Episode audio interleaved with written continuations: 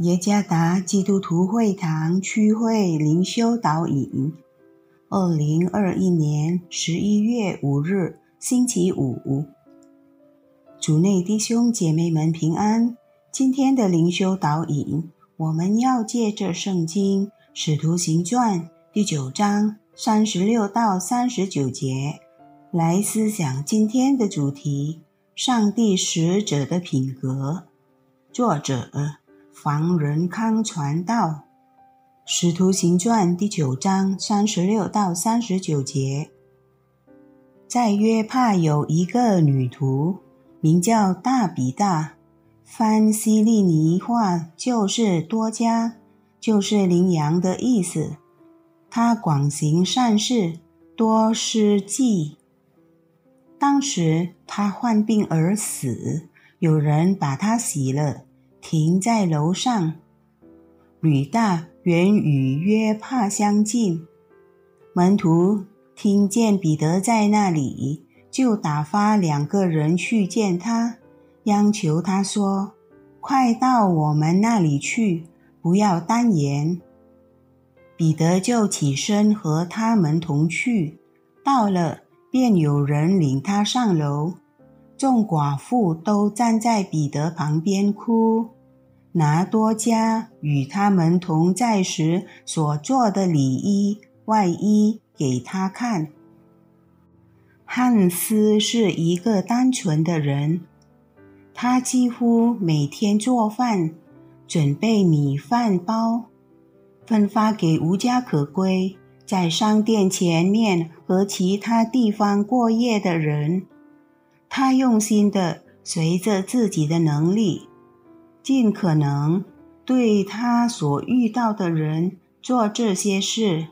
他这样做不是因为他富有，而是出于怜悯心，而且他想分享他所活出的上帝之爱。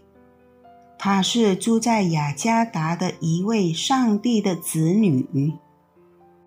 今天所阅读的圣经是关于行善的大比大或多加。他为他的朋友寡妇们做衣服，他的所作所为，即使在他死后，也一直被人们铭记。他以真诚的心，充满了对他人的爱和关怀，来做出这些行动。他简单的做了他能做的。多加是一个真正爱上帝的子女，他的生命是被他所领受和改变之上帝话语所塑造的。他是一个单纯、敬畏上帝、喜爱和遵行上帝话语的人。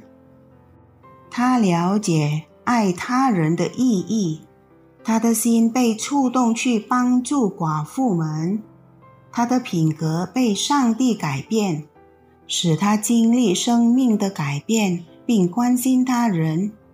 也许在他认识基督之前，不关心他人，尤其是寡妇们。